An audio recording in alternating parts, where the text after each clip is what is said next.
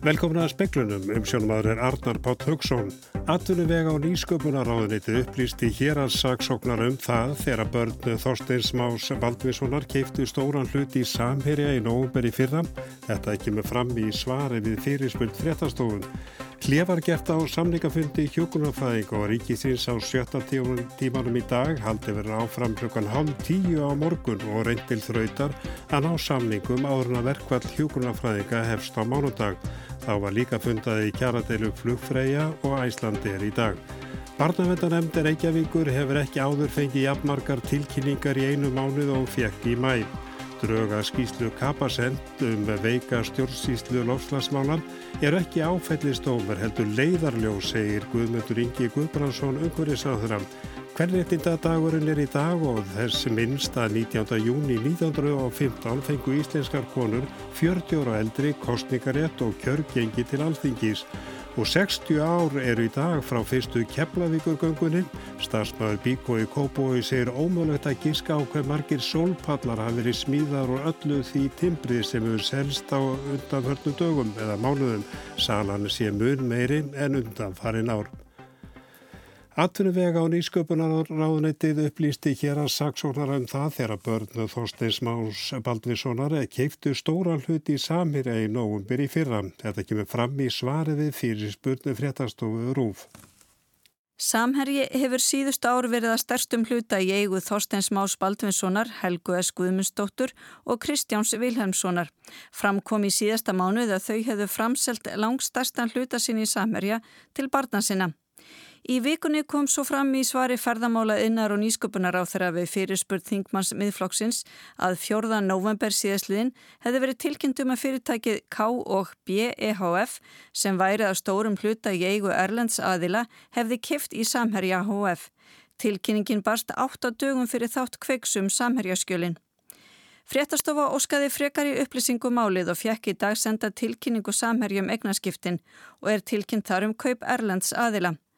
Þar kemur fram að eignarhaldsfélagi Steinn EHF sem er að meiri hluta í eigu Þorsteins Más hefði selt K og B EHF 43% hlutsinn í samherja. K og B EHF er í eigu þryggja. Baldvin, sonur Þorsteins Más á 49%, Katla, dóttir Þorsteins á 48,9% og Þorsteins sjálfur 2,1%. Búseta Baldvins í Hollandi er svo tilgreynd ástæða þess að litið er á hans sem erlendan aðila. Í gögnunum kemur kvorki fram hversu mikið nýja hvernig börn Þorstens greitu fyrir hlutin í Samherja. Samkvæmt ásreikningi Samherja var eigið fjöttæpir 60 miljardar króna í áslokk 2018. Kristín Siguradóttir sagði frá. Hér var gert á sottafundi í kjaradeli hjókurnafræðing og ríkisins á sjötta tímanum í dag sem hafi þá staði yfir í nýju klukkustundir haldi verður áfram að funda klukkan hálf tíu í fyrramálið. Sverrir Jónsson, formaður samningarenda ríkisins, segir að viðræðna sé á viðkvæmu stígi og Guðbjörg Pálsdóttir, formaður félags íslenskara hjókurnafræðinga, segir viðræðnar mjög þungar en þrátt verið það er sjáu þau tækifæri til að hittast aftur á morgun og hjókunarfræðingar hafa búið verkvall á mánudagin náist ekki samningar um helgina. Útgöngubanni hefur verið líst yfir í Törsla í Oklahoma í bandaríkjónum með næsta, næstu kvöld og nætur vegna fyrirhugars kostningafundar Donalds Trumps fórseta á morgun. Borgastjórin óttast að neyðar ástand skapist vegna mótmælan gegn þeirri ákvörðum fórsetans að halda fundin í borginni. GT bænum borgarstjóri gaf út tilskipunum útgöngubannið í gerkvöld. Það gekk í gildi þegar í stað. Að hans vegna er mikil spenna í borginum vegna fundar Trumps og stefnir í neyðar ástand vegna óverða þeirra sem vilja mótmæla fundinum og fundar staðnum. Í talsa voru fram en óhugnanleg yllvirki árið 1921 þegar hópur kvitra manna réðst með alvæpni inn í hverfi velstæðira svartra borgarbúa þar sem um það byrð 300 fjallu og alltaf 1200 fyrirtæki og íbúðarhús voru eigðiláð. Þar afleiðandi þykir það með eindæmum óheppilegt að Trump skuli velja tölsa sem fundarstað þegar svo skamt er liðið frá því að lauruglumadur var George Floyd að bana í Minneapolis. Búist er við að 100.000 manns sæki kostningafundi Trumps sem er sá fyrsti sem hann nefnir til í þrjá mánuði. Útgangubannir gildir frá tíu að kvöldi til sexað morgni á sunnudagsmorgun. Lóreglan í Tálsa sagði í dag að hún inni að því að gera fundarstað fórsett hans örugan en það væri koma hans til borgarinnar einstæður að börður. Áskir Tómasson saði frá. Drauga skýslu kapasendum stjórnsýslu lofslagsmála eru ekki áfellinstómar heldur leiðaljós þetta segi Guðmundur Ingi Guðbrandsson umhverjusar á þeirra. Þegar hafi verið bröðist við hluta gaggrinnarinnar sem framkemur í draugunum. Lofslagsráð baði kapasend að vinna skýsluna en það var ráð þeirra sem pantaðana. Lofslagsráði hefur það hlutverk að veita stjórnvöldum aðhald en vinur líka verkefni fyrir hann. Þetta tvöfata hlutverk ráðsins er eitt af fjölmörgum atriðum sem gaggrindi var í skýslu draugunum og nána verður rætt við umhverjusáðra síðar í speiklinum. Barnavendarindar Reykjavíkur hefur ekki áður fengið jafnmarkar tilkynningar í einu mánuðu og í mæ. Þetta sé framkvæmdastjóri Barnavendar Reykjavíkur. Ef þú meða við meðaltal, sko, bara frá því í janúar 2019, þá er, er þetta um það vil sko, 25% hækkun eða fjölkun tilkynninga. Þetta segir Hákon Sigursteinsson, framkvæmdastjóri Barnavendar Reykjavíkur. Hann segir að það stefni í að tilkynningar verði 11% fleiri á þessu ári en í fyrra. Hákon segir að erfitt sé að segja til um hvað veldur fjölguninni, hugsanlega hafi COVID-19 faraldurinn haft áhrif. Tilkynningum vegna heimilisofbeldis sem börn verða fyrir, beint eða óbeint, hefur til dæmis fjölgað um tæp 30% á mánuði að meðaltali frá því á síðasta ári. Mögulega sé fólk líka meira vakandi og líklæra til að tilkynna vandamál. Það sé jákvæð þróun. Bara samfélagið allt er bara meðvitara um að vera vakandi kakvart þessum hlutum og það er alveg að sína sig í öllum tölum. Hákon segir að ebla þurfi barnavendanemndirnar og að barnavend Reykjavíkur þurfi fleiri stöðugildi. Í samtali við fréttastofi segir Heiða Björg Hilmistóttir, formaður velferðar ás Reykjavíkur, að ráðið hafi samþygt á síðasta fundi að útfæra tillögu um viðbröð við þessari fjölgun tilkynninga. Styrkja þurfi barnavendina, fjölga starfsfólki og tryggja góða vinnuaðstöðu. Hildur Margreti Jóharsdóttir tók saman. Og mikil umferð er út úr borginni, Reykjavík og Borgabæða á Suðurlandsvegi og Vesturlandsvegi. Árni Fríðleson aðalvarstjóri hjá lauruglinu á höfuborgarsvæðinu segir að bílaræðirnar er náið niður í ártúnsbrekku. Hann telur þetta skýrist að því að Íslendingar séu farnir að ferðast innanlands. Vegafrangunir í Mósveilsbæ hafi valdið einhverju töfum, einnig slöknað á nokkrum umferðaljósum á stofnbrautum með borgarinnar þegar grafið var í ramagstreng á vinnusvæði við landsbítalan. Rafmagnin og allstaðar komið á aftur. Kvennréttinda deginum, hátíðar á baróttudegi Kvenn á Íslandi er fagnað í dag og þess minnst að það 19. júni 1915 fengu íslenskar konur 40 ára og eldri kostningarétt og kjörgengi til alþingis.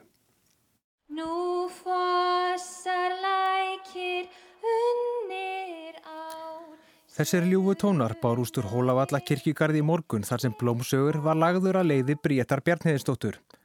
Þetta er árlegur viðbörður, enda skipar Bríett veiga mikinn sess í sögu kvenréttinda baráttunar. Hún stopnaði Kvenréttindafélag Íslands og átti ríkan þátt í því að koma á réttabótum konum til handa. Konur fengur þennan takmarkaða kostningarétt þegar stjórnarskrá Kristjáns tíunda tók gildi. Konur í samtökum um nýja stjórnarskrá komu saman í maðuragarðinum við lækjargötu og báru upp kröfu sínar um að ný stjórnarskrá verði lögfest. Hvað kunna konur? Að reyfa valdinu! Hver á nýja stjórnarskrá? Við! Hver vill lögfesta nýja stjórnarskrá? Við! Amen! Einnig var bóðið upp á feminíska sögugöngu um Reykjavík þar sem réttinda barata kvenna var rakinn og í lokinn skálaði hópurinn fyrir baratukonunni Guðrúnu Ögmundsdóttur sem lést undir lok síðast árs. Magnús Geir Ejjálsson tók saman. 60 ár er í dag, 19. júni, síðan farið var í fyrstu Keflavíkur gönguna. 250 manns söpnuðu saman við hliði herstuðarinnar á meðinni segði og gengu fylgtuliði til Reykjavíkur. Farnar voru 11 göngur næstu þrjá áratögi og var svo síðasta árið 1991. Samningur við bandaríkjamenn um hervend var gerður árið 1951, tveimur árum eftir að Íslandingar urðu aðilar að NATO. Þegar líða tóku áratugin, magnaðist krafanum að bandaríkja herr yfirgæfi landið.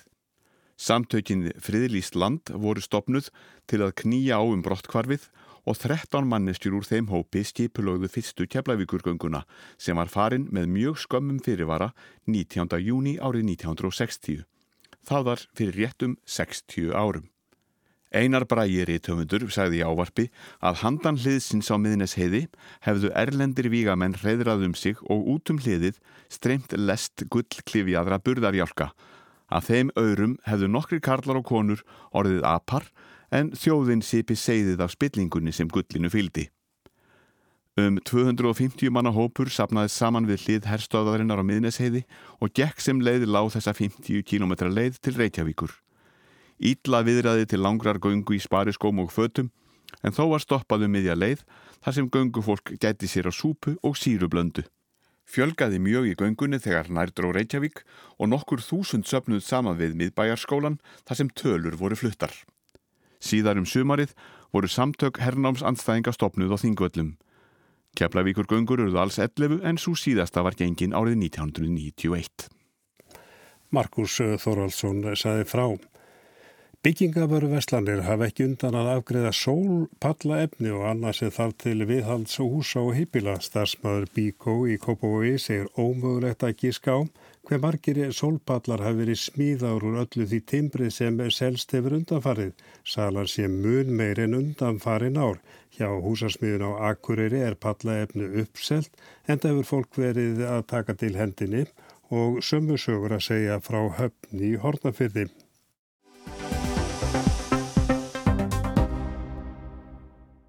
Dröga skýslum stjórnsýslu lofslagsmála eru ekki áfællistómur heldur leiðarljós, þetta er mat umhverfisar á þram þegar hafi verið brugðist við hluta gaggrinnar í drögunum. Lofslagsráð bað kapasend að vinna skýslunam en ráð þeirra pantaðanan. Í stuttumáli lítur gaggrinnin að því að stjórnsýsla í lofslagsmálum sé veik og óskilvirk ábyrðar skipting óljós og það skorti samræmi í heildar sín þá líki ekki fyrir hvernig Íslandi hyggst standa við markmið Parísar sangumlagsins og lofórðum konumni slutleysi fyrir árið 2040. Er þetta áfællistómur yfir stjórnsýslunni? Ég held að þetta sé ekki áfællistómur yfir stjórnsýslunni. Þetta eru leiðbeiningar um hvernig við getum gert hana betri og við þurfum að nálgast það að auðmygt. Eh, stjórnkerfið þarf að þóla gaggríni Ertu sammála því sem kemur fram þessum niðurstöðum? Sko ég held að við þurfum að skoða mjög vandlega þessar niðurstöðu til þess að nýta okkur þær til þess að gera betur í stjórnsýslu lofslagsmála. En það var leikurinn til þess gerður. Þegar ég setti lofslagsráða á fót 2018 þá var þetta fyrsta verkefni sem ég fól þeim að, að vinna. Þannig að við meðum náttúrulega alls ekki vera hrættveikagrinni og þær breytingar sem við mögulega þurfum að gera á kerfin okkar eigum við náttúrulega að, að gera til þess að ebla starf okkar að lofslagsmálum en það er það eitt helsta áherslumálu ríkistjórnarinnar eins og við höfum verið að setja stóraukna politíska vikt á og auka fjármagnin í málaflokkin og svo framvegis. Guðmundur Ingi segir að áhersla ríkistjórnarinnar á loslasmálinn hafi verið eina af ástæðum þess að hann ákvaða ganga til liðsviðan á sínum tíma. Lengi hafi málaflokkurinn haft lítið vægi en það sé breytt. Það er gríðarlega mikill aflgjafi fyrir okkur sem að viljum eh, lifta þessum málaflokki á herri stall og, og, og draga vagnin þannig að við náum okkar skuldbyttingum bæði árið 2030 og 2040 kemur fram að það liggi ekki fyrir hvernig skuli skilgreina í rauninni kólefnis hlutleysi þegar það er búið að setja svona markmið og, og þeir segist verið að byrja að vinna í áttina þeim er ekki grundvallar aðtriði að vera komið með það hvernig eigi að gera þetta? Jú, það er grundvallar aðtriði og við náttúrulega lögðum fram okkar aðgerrar átlun 2018 sem að er í endurskóðu núna þannig að ég hef ekki áhyggjur af því að það sé ekki hægt að sína fram á þetta varðandi kólefnis hlutleysi þá eru við ekki komin eins langt. Við höfum látið 2030 markmiðin ganga fyrir en höfum samt hafið vinnu að því og meðal annars kallað eftir eh, svona leiðsög frá lofslagsráði þannig að þetta er eitt af verkefnunum sem að býð okkar núna að fara að ráðast í að eh, svona skilgreina betur og með hvaða hætti við ætlum okkur að verða kólefnislutlaust samfélag og hvernig við ætlum í rauninni að, ég er kannski að sletta þér í segið þetta, en að, að fasa út þeim, þeim mengunarvöldum sem er að valda lofslagsbreytingum. Guðmundur Ingi segist þegar hafa brúðist við gaggrinni skýsluhöfunda hluta með nýjum lofslagslögum sem samþygt voru síðastliði vor. Hann segir að aukið fjármagn hafi verið sett í stjórnsísluna og fleira starfsfólk ráðið til að sinna loslasmálum. Þá nefnir hann glænýjar breytingar á skipuriti umhverfisáðunetsins sem tóku gildi í byrjun júni. Í stað þess að loslasmálinn séu dreifið innan ráðunætis heyra þau nú undir nýja skrifstofu loslasmála og nýja skrifstofu alþjóðamála og samþættingar. Þar sem að loslasmálinn spila náttúrulega mjög stóra rullu og afskaplega mikilvægt að mínu mati að samþætta bæði loslasmálinn inn í aðra sko önnur umhverfismál og síðan líka inn í málaflokka í öðrum ráðunetum og þessa skipilagsbreytingar eru ætlaðar til þess að bæta þessa framkvæmt lofslagsmála og síðan samþettingu út af því. Í skýsludraunum er talaðu um mikilvægi þess að skýra verka og ábyrðaskiptingu millir ráðunita. Guðmundur telur verkaskiptinguna ágætlega að skýra þó hún virðist kannski ekki veraðað í dreifðum málaflokki. Nú er verða endur skoða aðgerða áallun í loslasmálum frá 2018 og þar segir Guðmundur unni að því að skýra ábyrð þeirra sjöraðunita sem að aðinni koma og koma á betra kerfi í kringum eftirfylgni með aðgerðum þannig að það verði tryggt að ráðunitin standi við sinn hlut. Lofslagsmálinn er ekki bara umhverfismál, þau snerta flest svið samfélagsins og því má kannski spyrja hvort aðgerðir í umhverfisraðunetinu dugi einar og sér.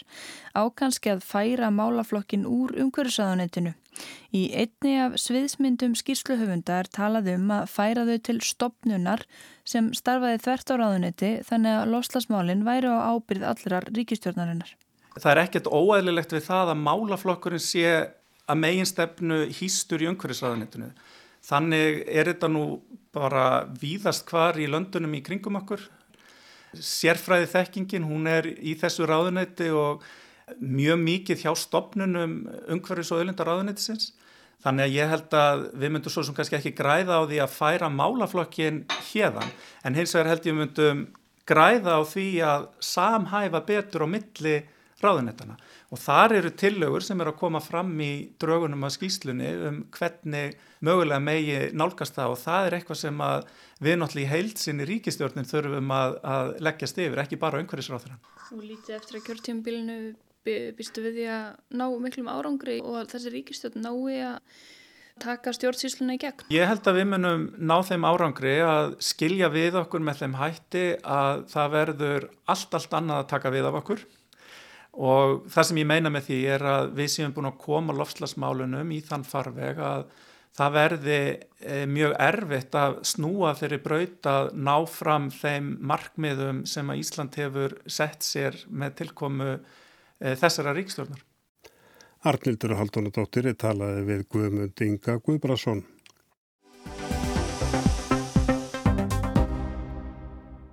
Sáttafundur í kjaradelu hjókunarfræðinga og ríkisins stóði yfir í allan dag. Hlið var gert á eh, fundi á sjötta tímanum og áframverðu fundaði í fyrramálið. Samningamenn voru í dag treyji til að tjá sig en eh, það að það sé gett hlið á fundi þýðir að menn eru tilbúinir að halda áfram að ræða saman áður en verkvallega hjókunarfræðinga hefst á mánudag. Krafa þeirra er að grunnlaun þeirra hækkjum 25% á samningstímanum ef tekir tillit til hækkunar sem gert var áð fyrir í kjara samningi sem hjókunarfræðingar feldum og er í samræmi við lífsgerðarsamningin þýðir þessi krafa að farið fram á 10% hækkun launa umfram lífsgerðarsamningin. Ríki getur ekki fallist á þetta en það geti sprengt fórsendur annara samninga upp í loft en á eftir að semja við fjölmarka hópa. En þýðir það að getur fundarlega að það sé enn von á að menn semji ára verkvall hefst að Steinn Leifsson er ríkis átt að semja rým. Já, meðan við sittum við borðið og erum að tala saman, þá er enn von til þess að samninga náist þrátt fyrir eh, þessa erfiðu kringustæður og hversu þungir og flóknir þessi samlingar eru. En nú veit ég að það var kynnt tilbúð eh, frá samlingarnend ríkisins eh, fyrir samlingarnend hjókunarfræðinga. Er að það sem enn vilja ræða áfram? Við erum ennþá að ræða fjölmörg atrið. Við ákvæðum þegar að samlinga voru feldir að setja upp ákvæðna áhællun og hún fólst í því að félag Íslaka hjúkurnafræðinga talaði við sína trúnaðamenn og, og átti samtali við sitt uh, félagsfólk um það hvað brinni helst á þeim. Og einst líka samningarnemnd ríkisins átti ítalegt samtal við fórstöðum en stopnuna í, um all land. Og síðan voru listuð upp samningsatriðin og atriðin sem þyrta að ræða og skoða nánar og farið í gegnum þau og, og reynd að finna einhvern vingil þar sem að aðalegni næðu saman okkur hefur ekki enþá tekist að, að finna þann vingil eða að klára þessa samninga en á meðan við sittum við og erum að leytast við að finna lausnir þá, þá hérna og meðan okkur finnst að ástæða sér til það er að segja að við höfum vonum það að okkur takist að finna einhvers konar samkvæmulag og þá sitjum við við. En vandamálið og uh, það sem að málið snýstum er krafum hækkun grunnlauna. Uh, það hlýtur að vera núna að það sé að rofa til að einhver leiti að menn sjá kannski einhver að lausna því hvernig hægt er að leysa þá deilu á þess að ganga þvert á lífskjara samningin. Nú er ég í því hlutverki að það er ekki rétt að ég sé að, að tjá mig um einstakar samlingsatriði og hvað nákvæmlega á sér stað inn á fundunum. En það er þannig að það er verið að skoða mörgatriði og margar úrlausnir og, og það samtali er mjög virt, það er að segja. Menn horfi ekki yfir borðið og, og, og segja saman hlutin aftur og aftur heldur reynda að finna flit og velta við steinum til þess að finna lausnir. En uh, svo lausnir ekki fundin ennþá. En uh, við sátum við í allan dag og höfum haft þetta í algjörum forgangi í tölverðan tíma og uh, helgin er undir og við heitist hérna aftur kl. 9.30 fyrir máli. Og þið mjögum þá vantar að reyna að funda já, um helgina og áfram til að koma í veg fyrir að verkvall, eh, ótíðanmyndi verkvall hjókunarfæðinga hefjist á mánudag. Já, við reynum að nýta þá orku sem, að, sem við fáum úr þeirri vissu að að verkvallir yfirvonandi að nýta þú orku á, á jákvæðan hátt til þess að blása okkur krafti brjóst til þess að halda áfram að finna lausnir. Þetta var aðarstinn Leifsson.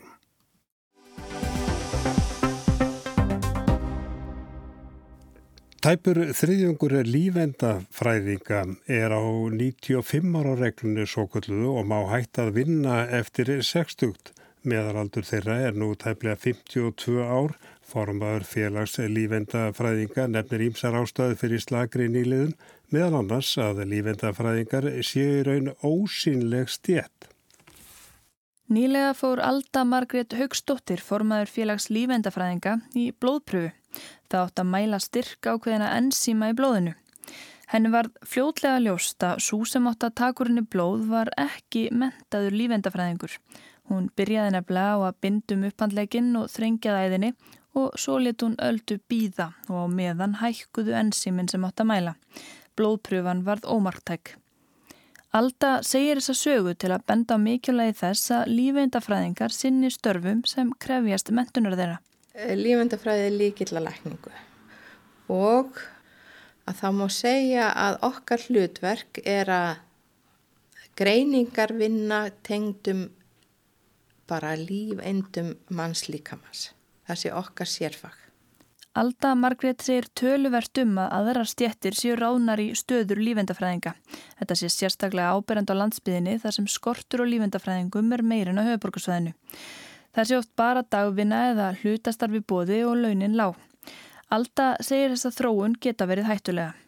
Það fer eftir í hvaða greinar lífendafræðinar uh, þetta eru Í sumum tilfellum eins og með erðafræðir ansóknir þá getur, eh, geta nokkrar stjættir eh, þekking þeirra skarast eins og náttúrufræðinga, líftæknifræðinga og lífindafræðinga en það sem að kemur inn á sjúkdómafræði okkar manna og greiningu bara sína og það sem þú þarfst að hafa insýn í hvað er í gangi þegar þessar eða hinn að niðurstöðunar koma þá er hætta á ferðum. Og finnst þér þá skorta á, á virðingu fyrir því eða bara skilningi á, á því þegar það verður að ráða aðra í eitthvað stað? Mér finnst skorta á skilning á hvað það getur falið í sér. Ég skil vel fólki sem er ekki mentað eins og við. Það er alltaf sá sem hefur kannski minni eða öðruvísi þekkingu, hann áttar sig ekki á mununum En við sem höfum þekkingun og talum um að þeir eh, sem að ráða kannski fólkið, að það eitt að hafa, það fólk á að hafa insinn í að þú ræður ekki eina fagstjætt í starf annarar. En er þetta sérst ekki lögvendað starf? Starfsheitið er lögvendað, en það virðist ekki vera að störfinn séu lögvendað. Hún hefur rætt þetta við landlækni og óskað eftir upplýsingum frá sjúkratryggingum Íslands um hvaða kröfur séu gerðar til mentunar þeirra sem gera fyrir það rannsóknir. Í félagi lífendafræðinga eru 272 félagsmenn, þar að veru 137 komnir yfir 50. Nýlunni hefur verið mjög ábúta vant og horfunar alls ekki góðar og það má segja að uh, þeir sem eru 60 að stór hluti þeirra 60 og eldri eru í björlífursjóði og eru á 95 ára reglunni og mættu hætta bara að vinna 60. Og þetta eru 80 manns. Grunnnemar í lífindafræði skipt oft hundruðum en tölurnar blekja. Þegar komið eru upp á meistarastíð eru nematnir örfáir. Grunnámið er nefnilega vinsalt meðal þeirra sem ekki komast inn í læknin í fyrstu atrinu. Í Gagnabanka Háskóla Íslands má sjá að í fyrra útskrifiðust 11 úr framhaldsnámi í lífendafræði, alls hafa 35 útskrifast úr meistaranámi eða viðbótanámi á meistarastíði undarfærin ár. Alda segir að líklega þyrtu útskrifaði lífendafræðingar að vera 20 ári næstu 10 árin til að viðhalda mönnun í fæinu. Þörfin farið þó eftir því hvort ríkið hyggist ráða lífendafræðinga eða fá aðræði þeirra störf. Þá far ekki allir lífendafræðingar í störfa vegum ríkisins og þeir eru ekki allir í félagi lífendafræðinga. Sumir ráða sér til rannsóknarstarfa í engageranum, til dæmis í álverunum. En stóra spurningin er hvernig á að yngja stjættina upp. Alda vil gera framlag lífendafræðinga sínilegra og fræða almenningum starfið.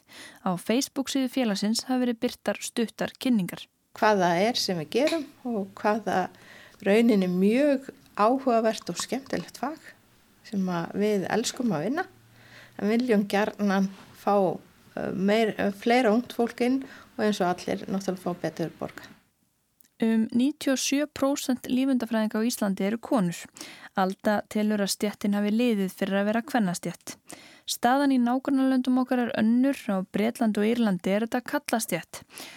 Hún segist ekki vissum að það eitt að fjölga köllum myndi hækka launin en segir að það myndi tvímælulegst auka róður stjættarinnar. Alda segir að það hafi verið erfitt að fá mentununa metna til launa í stopnarnasamningum. Lífindafræðingar býð eftir nýjum stopnarnasamningi við landsbítalan síðast hafa hann verið endun í ár 2018. Þá segir hún að markmiðið hafi verið að hýfa þá lífendafræðinga sem voru á lægstu launum upp og laða þannig að nýtt fólk. Meðalaldurinn hjá landsbytalanum hafi í framhaldinu lækkað en í staðin hafi flest allt sem lautað starfstróun, álanskreðslum og endurmentun verið tekið út. Hausti 2017 réð landsbytalin í fyrsta sinni í stöðu sérfræðings í lífendafræði. Alda segir starfstróuna möguleika hafa aukist en þó ekki mikill. Heilt yfir telur hún að lífendafræðingar fallu og mikið í skuggan. Varla hafi verið minnst á þá í kórnveru faraldrinum og framlaðeira til rannsókna sé vannmetið. Þegar vísindaransóknir annars vegar að þá eru við að vinna heilmikið við skipulegjum, við tökum síni, við leggjum upp hana rannsóknuna á samt öðrum en nafn okkar kemur ekki fram. Það eru svona ósynileg stjætt. Það eru svona ósynilega stjættin, já, eina af þeim sagði Alda Margrit Haugstóttir, Arnildur Haldunadóttir talaði við hana og við þetta má bæta að í hausti higgjast 29 hefja framhalsnám í lífendafræði. En það var eh, satt frá því í speklunum að atvinnu vega og nýsköpunaráðanitið upplýsti hérasaksóknar um það þegar börnu Þorsteins Más Baldvinssonar keiftu stóra hluti í samherja í nógumberi fyrra. Þetta kemur fram í svari við fyrirspurnum fréttastofum og hlið var gert á samlingafundi hjókunarfræðinga og ríkisins á sjötta tímanum í dag. Haldið verður áfram að funda klukkan hálf tíu á morgun og reyndir þrautar að ná samningum áður en að verkvalli hjókunarfræðinga hefst á mánundag eða á að hefjast. Þá var fundi kjaradeilu, fundað í kjaradeilu flugfreyja og æstandi er í dag. En það er ekki mikið meira í speiklunum um, þennan fyrstu dag. Tæknamaður í kvöld var Mark Eldred. Verðið sæl og góða helgi.